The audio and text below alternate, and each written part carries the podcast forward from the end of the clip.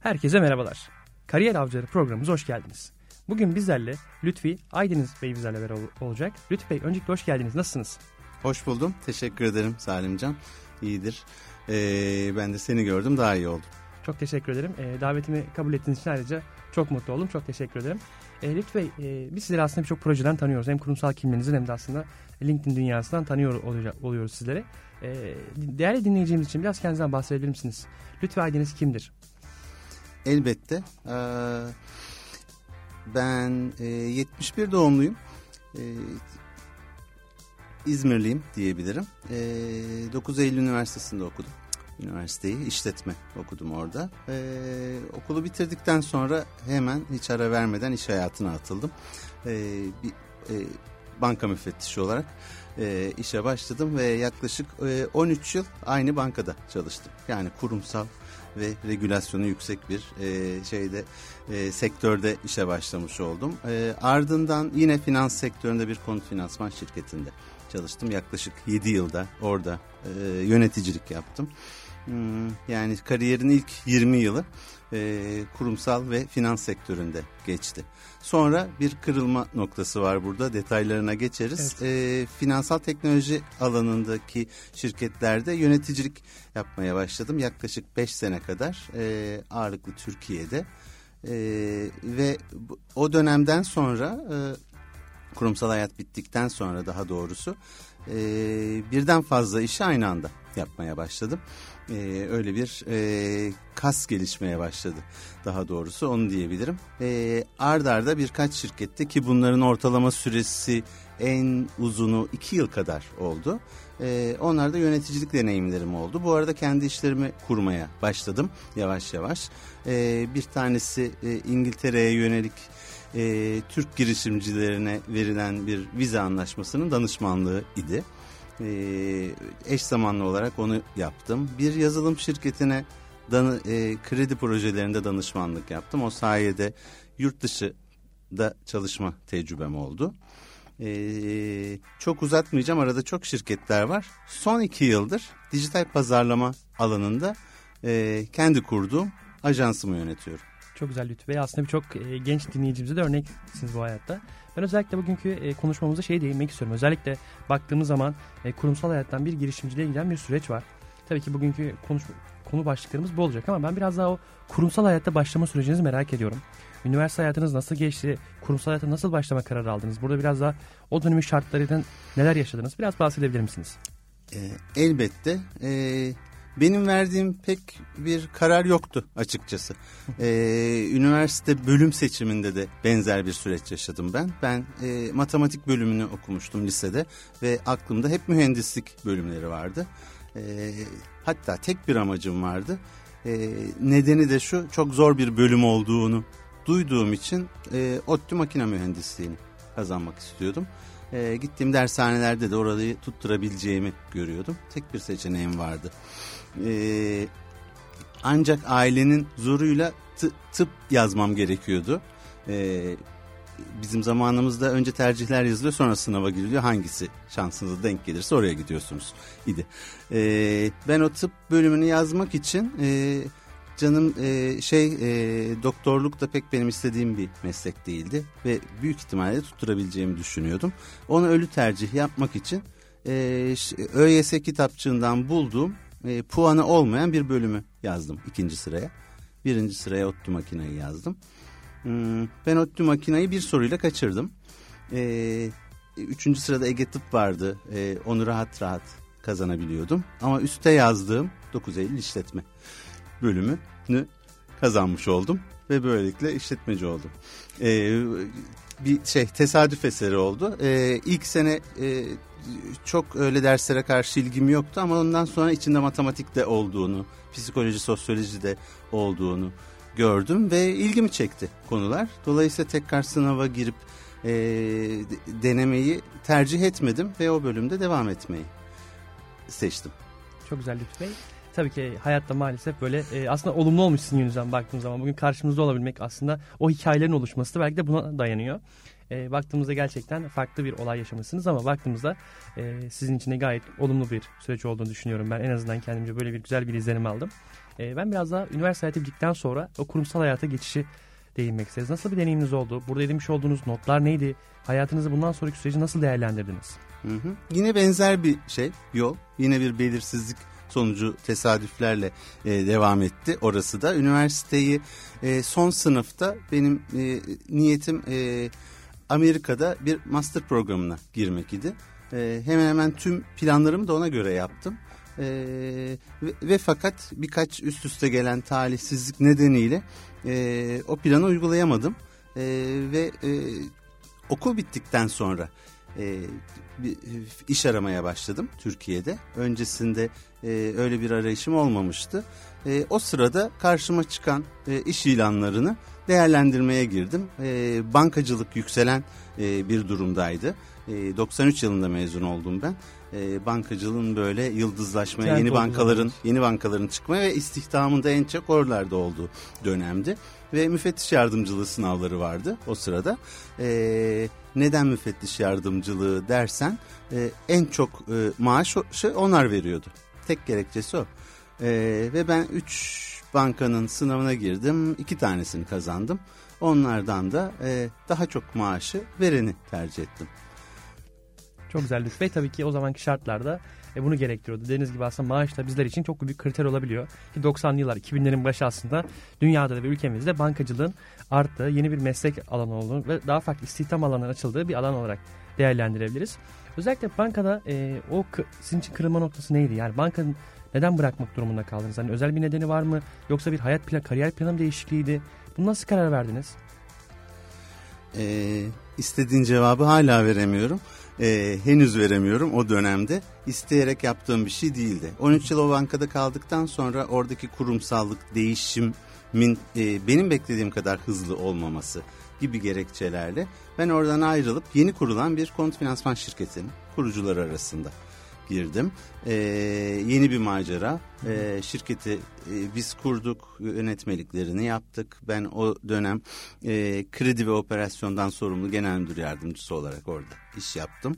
E, gayet başarılı gider iken mortgage krizi oldu 2008 yılında malum. E, sonra e, yatırımcı değişikliği olması gerekçesiyle başka bir banka satın aldı hisselerin bir bölümünü. E, ve ben e, sonuçta çok uzatmayayım yaklaşık 7 yıl e, orada e, yöneticilik e, kariyerime devam ettim. E, ama sonra e, bir gün tamam teşekkür ederiz dediler. Ve ben üniversiteden ayrıldıktan sonra yaklaşık bu toplam 20 yıllık süre boyunca hiç iş aramamıştım. Hiç CV hazırlamamıştım ve bir anda işsiz kaldım. Ee, 44 yaşındaydım o dönem. Ee, hiçbir ay hesabıma paranın yatmadığı bir gün olmamıştı benim. Her ay o para yatıyordu. Ben hiç işsiz kaldığım bir dönem hatırlamıyorum. Ee, kırılma noktası buydu. Ee, o dönem o şeyle ani refleksle CV hazırlayıp e, görüşmelere başladım. Yaklaşık ama tabii e, e, bir şey e, belli bir yaşın üzerinde Türkiye'de e, işe girmek sıfırdan yeni bir işe girmenin hala zorlukları var. E, Avrupa ve Amerika'da kadar e, esnek e, davranılmıyor maalesef. Çok önemli gelişmeler var bu arada ülkemizde de. Ancak o dönemde bu daha da zordu e, ve ben iş bulmakta zorlandım. Yani denize düştüm ve mecburen yüzmeyi öğrenmem gerekti. E, o dönemde Ankara Anlaşması'nı duydum. Kendim için böyle bir danışmanlık işi aradım. Birkaç yere gittim. Benim bütçemi aşan danışmanlık ücretleri istediler. Ee, ben de bu işi kendim yapabileceğimi düşündüm ve kendim için bir iş planı hazırladım. O vizeye başvurdum. Bir hafta sonra kabul geldi. Girişimci vizesi. İngiltere'ye gittim. Bir süre orada iş aramaya devam ettim.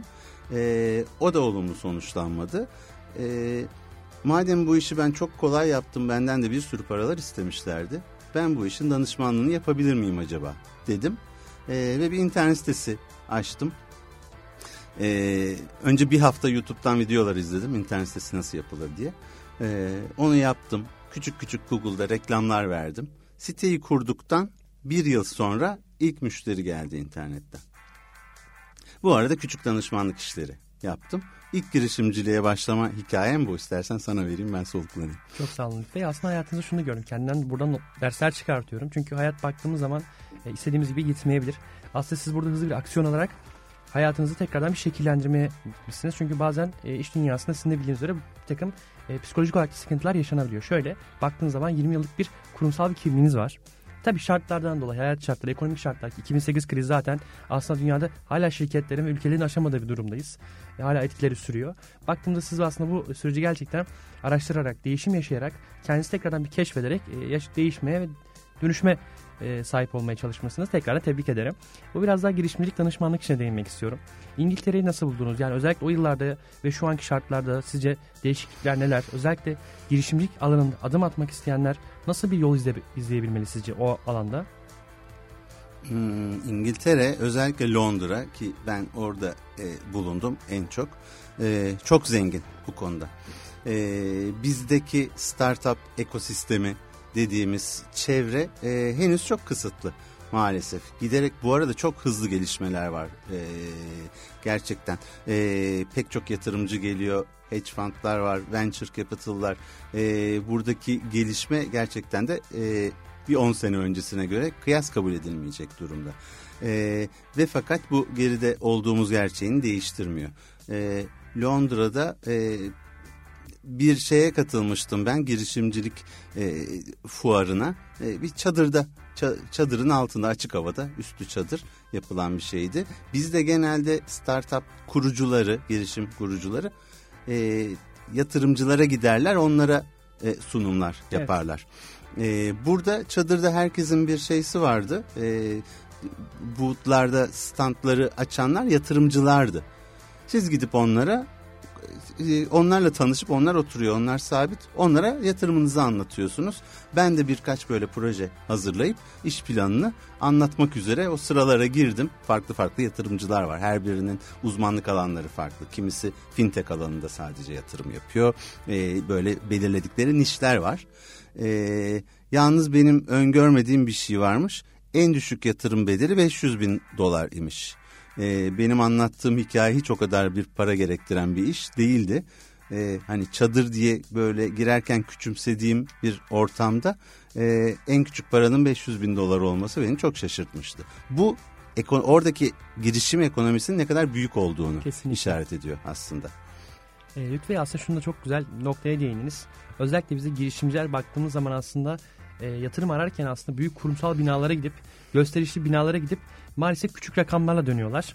E, bu da aslında girişimcilerin en büyük e, sıkıntıları olarak görüyorum. Baktığımız zaman İngiltere'de aslında gerçekten böyle büyük e, alanlara gerek duymuyorlar. Gerçekten yatırımcıya e, büyük ihtiyaçların verildiği, ihtiyaçların karşılandığı, büyük sermayeler yatırılarak aslında iş potansiyelinin artırıldığı bir dünya olarak gözlemliyorum. Doğru mudur? Evet, yani, çok güzel evet, bir evet, dünya kesinlikle, var aslında. Kesinlikle haklısın. Çok gelişmiş ve e, ayrıntılı bir piyasa var orada. E, iyice dallanıp budaklanmış. Hani ben fintech alanında e, e, bir projem var değil de fintech'in neresi? Onun alt kolları var, daha kılcal damarları var. Artık iyice uzmanlaşmış yatırımcılar çok detay sorular sor soruyorlar. Çünkü onlar da uzman o konuda. Ee, ve buralarda hiç şey yok bir ayrımcılık. Ee, kökenin neresi, hangi ülkeden geliyorsun, ee, yaşın kaç e, gibi şeyler yok. Tamamen matematik çalışıyor burada e, ve şeyin örtüşmesi gerekiyor. Yatırımcının bakış açısıyla onun yatırım yaptığı bilgi sahibi olduğu konularla girişimcinin ım, bu alanda hizmet ettiği, sunduğu, merakı neyse e, yapmak istediği, varmak istediği hedefi, hayalinin örtüşmesi gerekiyor. Para burada önemsiz bir konu yatırılacak tutar önemsiz bir konu. Bu ikisinin örtüşmesi gerekiyor. Bunun örtüşmesi için de karşı tarafın çok gelişmiş bir uyguladığı bir metodoloji var. Soru listesi var. Ee, o soruların cevaplanması gerekiyor. Bunlar çok uzun dokümantasyonlar. Hani uzun böyle formlar karşımıza gelince sıkılırız ya doldurmayız. Onları doldurmak gerekiyor. Çünkü her biri bir amaca hizmet ediyor onların. Birbirini tanımak için bu bir evlilik gibi Hmm, yatırımcı girişimci ilişkisi de o şekilde belli bir süreliğine e, satışa kadar exit denilen o satışa kadar sürecek bir evlilik bu. İki tarafın birbirini 3 sene 5 sene ne kadarsa o süre e, çok iyi anlaması lazım. Çünkü arada pek çok çatışma olacak. Hep aynı fikirde olmayacak bu iki taraf. E, o çatışmaların asgari seviyeye inmesi ya da baştan hiç oralara girilmemesi eğer anlaşılmayacaksa ikinci yılda. E, o yüzden iki tarafın birbirini çok iyi tanıması önemli. E, o olması gereken bilgi aktarımının ilk başta yapılması çok şey e, can alıcı bir evet. durum. Kesinlikle Lütfü Bey. Aslında bu noktalarda aslında İngiltere'deki ekosistemi anlatmış oldunuz. E, ben bundan sonraki aslında biraz da iş fikrinizi merak ediyorum. Özellikle sektöre nasıl bir bakış açısı sundunuz? Nasıl bir kolaylık yaratıyorsunuz? Sunmuş olduğunuz hizmetler nelerdir? Bunlara nasıl ulaşabiliriz? Tabii e, şu anda yaklaşık iki buçuk yıldır e, yaptığım işte e, e, İngilizcesini anlatmak kolay B2B Business Services diye adlandırılan şirketten şirkete ürün veya hizmet satan şirketlerin e, dijital e, kimliğini oluşturmalarına, e, vitrinlerini düzeltmeye çalışıyoruz biz pazarlama ajansı olarak. Yaklaşık e, 15 ile 20 kişi arası e, personel var. E, bunun e, büyük bir çoğunluğu İngiltere'de. E, içerik üretiyoruz aslında. Örneğin yazılım şirketlerine, finans şirketlerine e, blog yazıları, e, sosyal medya içerikleri, onların dijital kimliklerini bir potansiyel bir müşterileri geldiğinde onların ne yaptığını, ne sattığını düzgün bir şekilde anlatmalarını sağlamalarına yönelik vitrinlerini düzeltiyoruz. Yaptığımız iş bu ve bunu düzenli bir şekilde e, ilgili, popüler, potansiyel müşterinin ilgisini çekebilecek nitelikteki yazılarla pekiştiriyoruz. Düzenli yazılar yazıyoruz. Bunun altında da SEO denen bir tekniği kullanıyoruz. Çok güzel bir noktaya değindiniz aslında SEO kısmına da değineceğim. Lütfen aslında baktığımız zaman global pazar yer alıyorsunuz. Biraz daha yerel pazar dışında global pazara hizmet ediyorsunuz anladığım kadarıyla. Doğru. Özellikle e, baktığımız zaman birçok girişimler yurt dışına açılıp daha büyük e, projelerin büyütmeye çalışıyorlar. Bu konuda önerileriniz nelerdir? Neler yapılabilir? Özellikle yurt dışında fırsatlar neler? Baktığımız zaman Ankara Anlaşması var. Özellikle İngiltere Türkiye arasında güzel bir... Vardı artık evet, yok. Onda da e, bir değişiklik oldu kısa bir zaman önce. O pazarı anlatabilir misiniz? Neler bekliyor? Yani baktığımız zaman yerel pazarda sıkıntıları, çözümlerini en azından genç girişimleri anlamış durumda. Ama yurt dışında neler olup bittiğini kaynaklardan anlamaya çalışsak da tabii ki gerçekler çok farklı olabiliyor saha ile gerçekler arasında. Bu konuda e, anlatılmanız nedir? Tabii e, hiç kolay değil hmm, farklı bir pazara girmek. Bu e, bir yeni üniversite mezunu için de kolay değil. E, kurumsal büyük 300-500 çalışanı olan e, ve Türkiye'de gelişmiş belki de monopol haline gelmiş bir şirket için de kolay değil. Çünkü her bir pazarın farklı zorlukları, farklı kuralları, farklı kültürel yapıları, sosyolojisi var. E, aynı şeylerle, aynı taktikleri kullanarak başka bir coğrafyada başarılı olunamıyor. E, öyle bir tek bir formül yok. Her bir sektörde farklı zamanlarda değişen kurallar var. Oraya adaptasyona ihtiyaç var e, genelde m, farklı bir pazara girmeden önce orada yerel bir ortak iş ortağı bulmak e, en sık kullanılan yöntemlerden bir tanesi. Onların dilini konuşan, bu sadece e, oranın dili derken oranın pazarlama dili, oradaki sektörde kullanılan jargonları kastediyorum. E, hani bir Türk olarak İngiltere'ye gittiğinizde ben Türkiye'den geldim size şöyle bir şey vermek istiyorum dediğinizde hmm, bir İngiliz'in demesiyle aynı etkiyi yaratamıyorsunuz. E, tercih edilen oralı olup onların derdini daha iyi anlayabilen e, ve ona göre çözüm bulabilecek kişileri seçmeyi tercih ediyorlar. Çok doğal. Dolayısıyla oralı olmak gerekiyor biraz orada iş yapabilmek için. Bu da zaman gerektiren bir şey ve yatırım gerektiren bir şey. E, yerel işbirlikleri, iş ortaklıkları çok önemli. E, bizim şirketimiz şu anda Amerika'da, İngiltere'de, Hollanda, Birleşik Arap Emirlikleri, Türkiye gibi yerlerde müşterilerimiz var. Ve bunların hepsinde ım, bir temsilcim var benim. E, müşteriyle direkt ilişkiye giren, hemen telefonla konuşabilen, orada ikamet eden ve oralı olan kişiler bunlar. Bu çok önemli. E, zaman ve e, coğrafya mesafesi koymamak gerekiyor arada. Hele ki günümüz dünyasında. E, madem bizim şirketin de adında dijital var ise bu dijital dünyada çok hızlı bir şekilde aksiyon alabilmek lazım. Kesinlikle Lütfü Bey. Bir sorum da aslında özellikle girişimler İngiltere örnek vermem gerekirse gittiğinde özellikle o alanda bu kişiler bulmakta zorlanıyor. Ne kadar dijital dünyada olsak da tabii ki birçok kültür farklılıkları, iş yapış farklılıkları da bulunuyor. Siz özellikle bu işbirliğini nasıl sağladınız? Bu konuda genç girişimcilere tavsiyeniz nelerdir? Ee, ben daha çok e, eski tanıdığım insanları kullandım. Arkadaşlarımdan rica ettim. Onların tanıdık tanıdıklarından e, erişmeye çalıştım o kişilere. Yine burada da bir birliktelik için tabii aynı dilden konuşmak ve aynı hedefe gitme ihtiyacı var. E, doğru kişiyi bulmak gerekiyor. E, karşılıklı iyi anla, anlaşmak gerekiyor onlarla. E, ama bu şey e, çok da zor bir şey değil birisini bulmak. Gerçekten zor değil. Çok zor. Hani hiçbir kimseyi tanımıyorsanız zor gibi gözüküyor olabilir ama e, şöyle bir şey var. Bir dünyada herhangi ulaşmak istediğiniz birisine en fazla 7 kişi aracılığıyla ulaşabilirsiniz diye.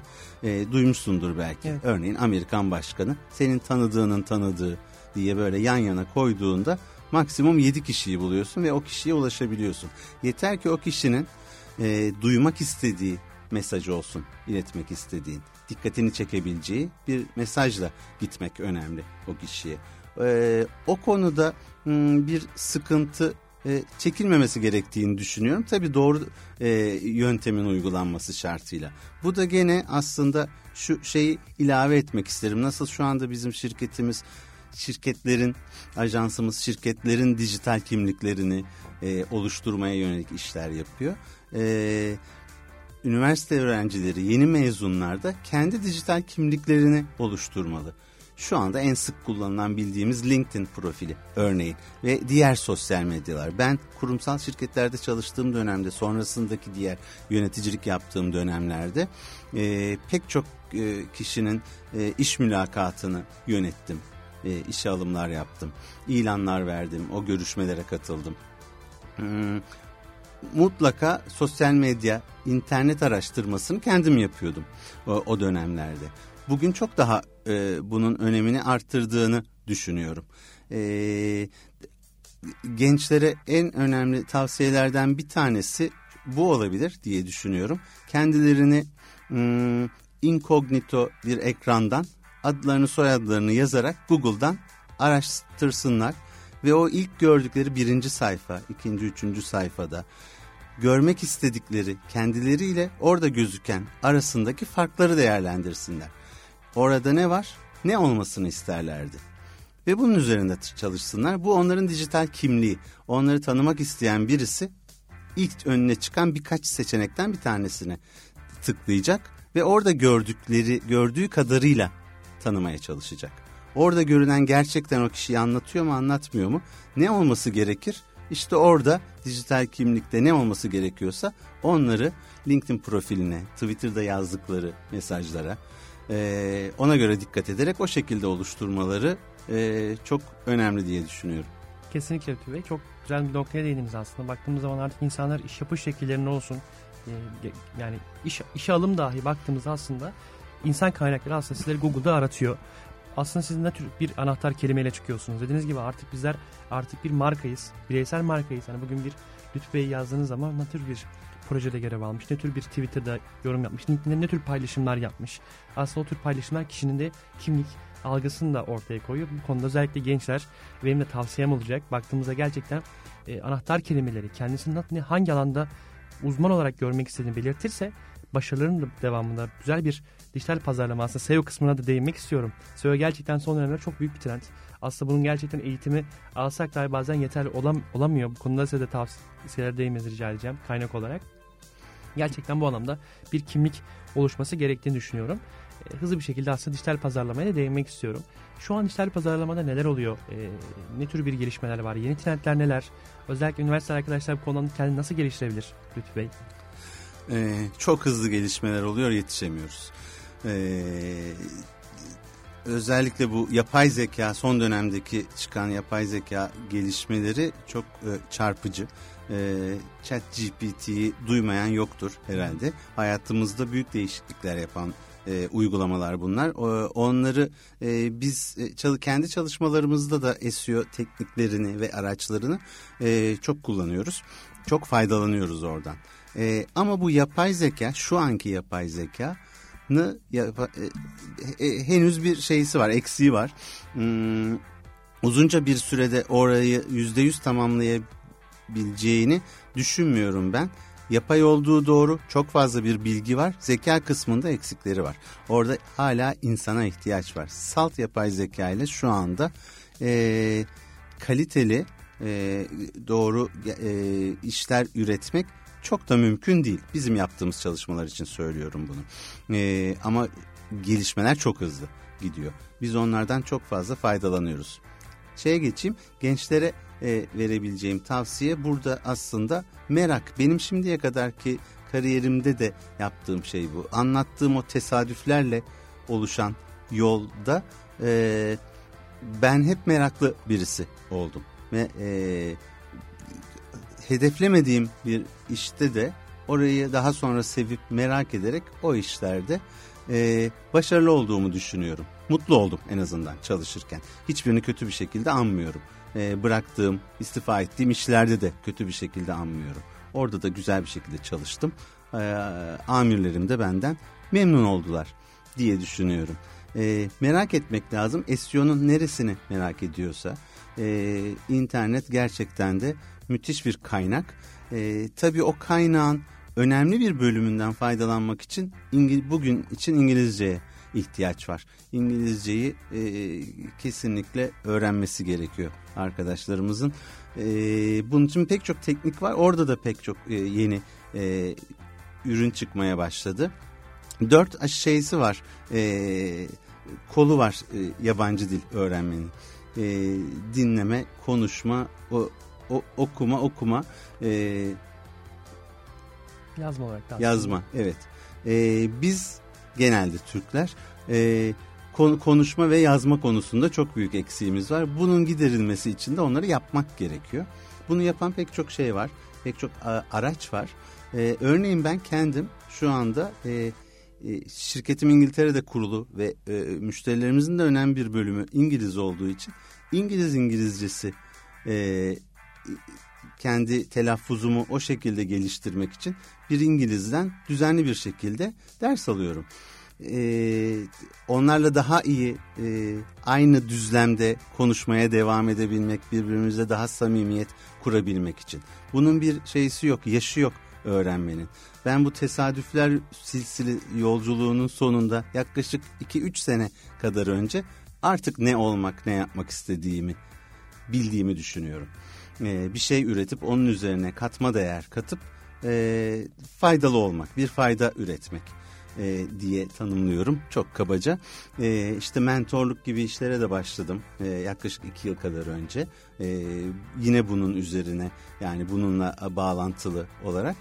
E, bir şeyi merak ediyorsanız e, öğrenmemeniz mümkün değil. Önünüzdeki tüm engelleri aşarsınız. İlgili kişilere ulaşırsınız. Kaynaklara ulaşırsınız. Hmm, ama Türkçe internetteki kaynağın küçük bir bölümünü kapsıyor. Maalesef biz de çalışmalarımızda bir Türkçe kaynak ihtiyacımız olduğunda çok zorlanıyoruz. Ee, İngilizcesine baktığınızda neredeyse bunun yüz katı kadar kaynak görebiliyorsunuz. İngilizceyi salt o yüzden bile öğrenmek önemli. Sadece okumak okuduğunu anlamak bile yeterli onun için. Ama bir de bunun üzerine konuşma ve yazmayı da ekleyebilirseniz o zaman e, Türkiye'nin ekonomisi dünya ekonomisinin yüzde biri civarında. Yüzde bir değil yüzde altmış yetmişe hitap edebilecek birisi olmuş oluyorsunuz. Bunu üzerine kattığınızda ki bu önemli bir şey fark yaratıyor. Kesinlikle Bey aslında bundan sonraki şirket olarak e, hedeflerinizi, vizyonunuzu merak ediyorum. Nasıl bir planlamanız var? Özellikle İngiltere'de çalışıyorsunuz. Bundan sonraki süreçte özel yerel pazara gelmeyi düşünüyor musunuz yoksa daha farklı işte Amerika gibi Asya gibi ülkelere ya da Afrika'ya giderek daha farklı işler yapmayı planlıyor musunuz? E, Türkiye'de varız aslında. Türk müşterilerimiz var. E, ben tabii e, hayatımın önemli bir bölümünü Türkiye'de geçirdiğim için hemen hemen tamamını neredeyse çok fazla geziyor olmakla birlikte e, en çok çevrem Türkiye'den. Dolayısıyla Türkiye'de de müşterilerimiz var. E, şu anda yaptığımız iş daha çok böyle terzi usulü e, bu firmaların ihtiyaçları doğrultusunda onlara hizmet vermek şeklinde devam ediyor. E, bir sonraki aşamada bunu bir e, software as a service denilen e, daha paketler ve e, girişimci şirketlerin kolaylıkla satın aldı, alabildiği pazarlama paketleri haline dönüştürme gibi bir hedefimiz var. E, o yönde çalışıyoruz zaten. Yani yeni bir kurulan bir girişim, e, teknoloji girişimi olabilir bu. Ağırlıklı onlar hedef kitlemiz burada. E, onların henüz bir pazarlama müdürü istihdam edebilecek bütçesi olmayanlar için çok daha küçük bütçeyle oradaki e, kurumsal kimliği oluşturup e, onların söyleyebil söylemek istediklerini düzgün ifade eden SEO tekniklerine göre düzgün yazılar, ilgili içerikler üreten bir makina satın almalarına yönelik bir şeyimiz var, çalışmamız var. E, ana dilimiz İngilizce burada. Ama tercüme hizmetleri de yapıyoruz tabi orada da yapay zeka çok gelişti. E, kaynak orada fazla olduğu için bizim yazar ekibimizin hemen hemen tamamı İngiliz olduğu için öncelikle İngilizce üretiyoruz içeriklerimizi. Sonra e, onu e, ihtiyaç olan Türkçe, İspanyolca gibi diğer dillere de çevirebiliyoruz. Şeyimiz bu, hedefimiz Sonrasına geçeyim. Bu kurumsal firmalara sağladığımız bu dijital kimliği geliştirme e, hizmetini e, buradaki hedefimizi tamamladıktan sonra kişisel kimlik geliştirme tarafına açmayı istiyorum. Hmm, belki bu gençlerin daha çok ilgisini çeker. Biraz önce anlattığım hikaye aslında. Burada CV oluşturma da onun içinde. Bir LinkedIn profili oluşturma da onun içinde. Google aramalarında çıkan e, sonuçlarla olması gereken sonucun karşılaştırıp ona göre bir yol haritasının çizilmesi e, gibi bir plan var e, kafamda. E, sanıyorum birkaç sene sonra... E, bu kurumsal kimlik oluşturmanın yanına bir de kişisel kimlik oluşturma gibi bir e, fonksiyon ekleyeceğiz. Çok güzel Lütfü Bey. Tebrik ederim. Biraz da aslında ikinize değinmek istiyorum. Özellikle yeni bir şirketsiniz. Büyümeye çalışıyorsunuz. Farklı planlarınız var. Özellikle bahsetmiş olduğunuz gibi kimlikleşme kısmı çok yatırımsal bir kısmı aslında. Bu konuda ekibinizi nasıl geliştiriyorsunuz aslında? Ekip kısmı da çok önemli. İş geliştirmenin yanında ekibinizi geliştirmeniz gerekiyor. Bu konuda bir yönetici olarak neler yapıyorsunuz? Nasıl gidiyor o taraf? Süreci yönetebiliyor musunuz?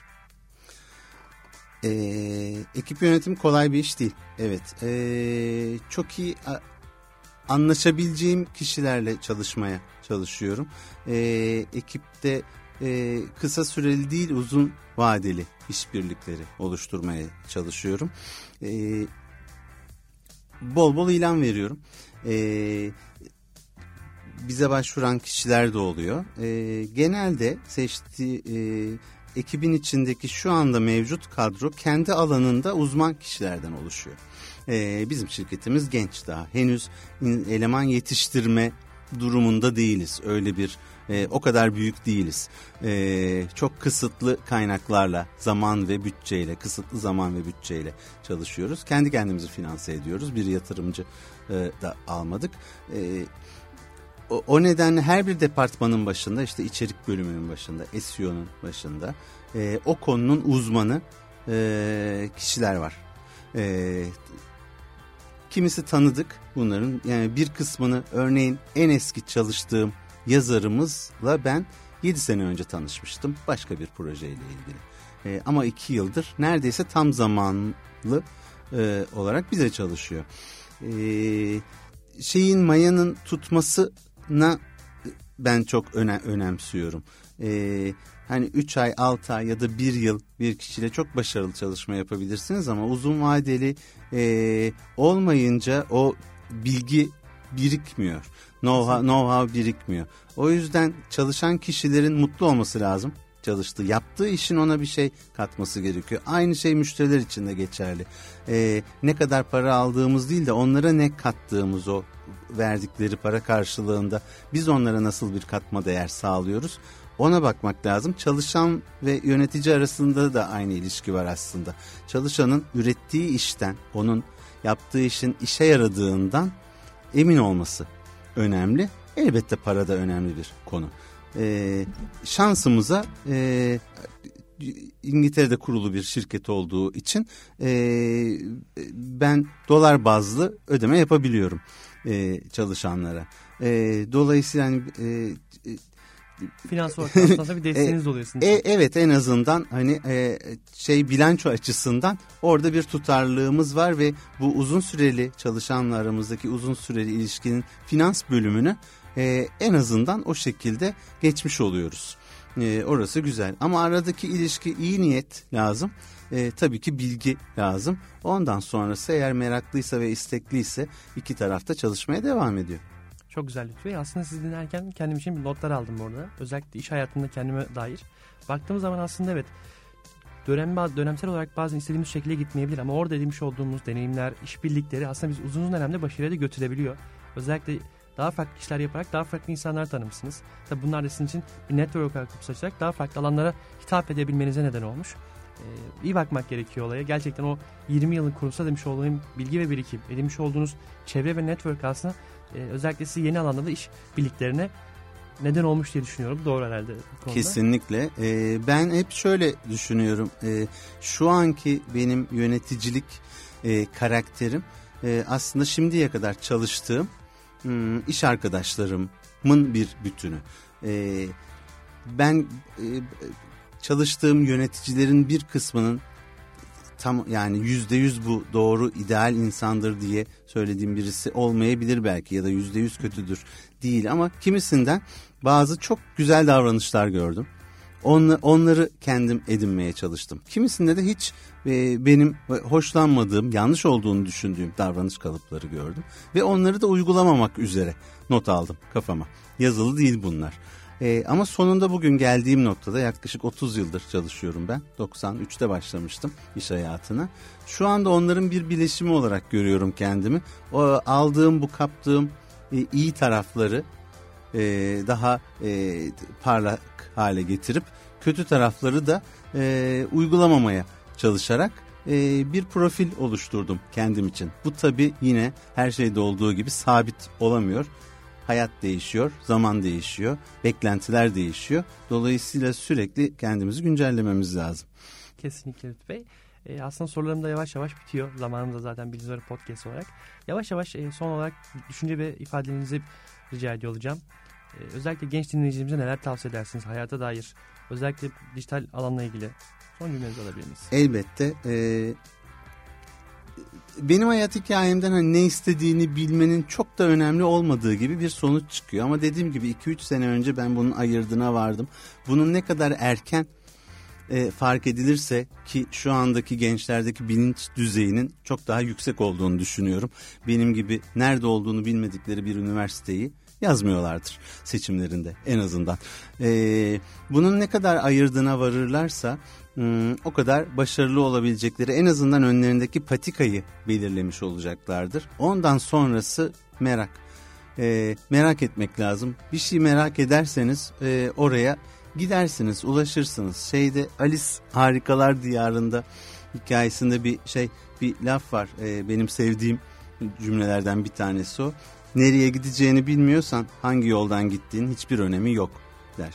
E, biliyorsanız yolunuzu Oraya gidecek yolları da bulursunuz zaten gideceğiniz yeri biliyorsanız. Oradaki insanlarla tanışırsınız, yoldaki insanlarla. O araçları alırsınız, e, oraya doğru ilerlersiniz. Varmanız da önemli değil. O yolda gidersiniz. Adım adım gide hızlı gidebilirsiniz, yavaş gidebilirsiniz.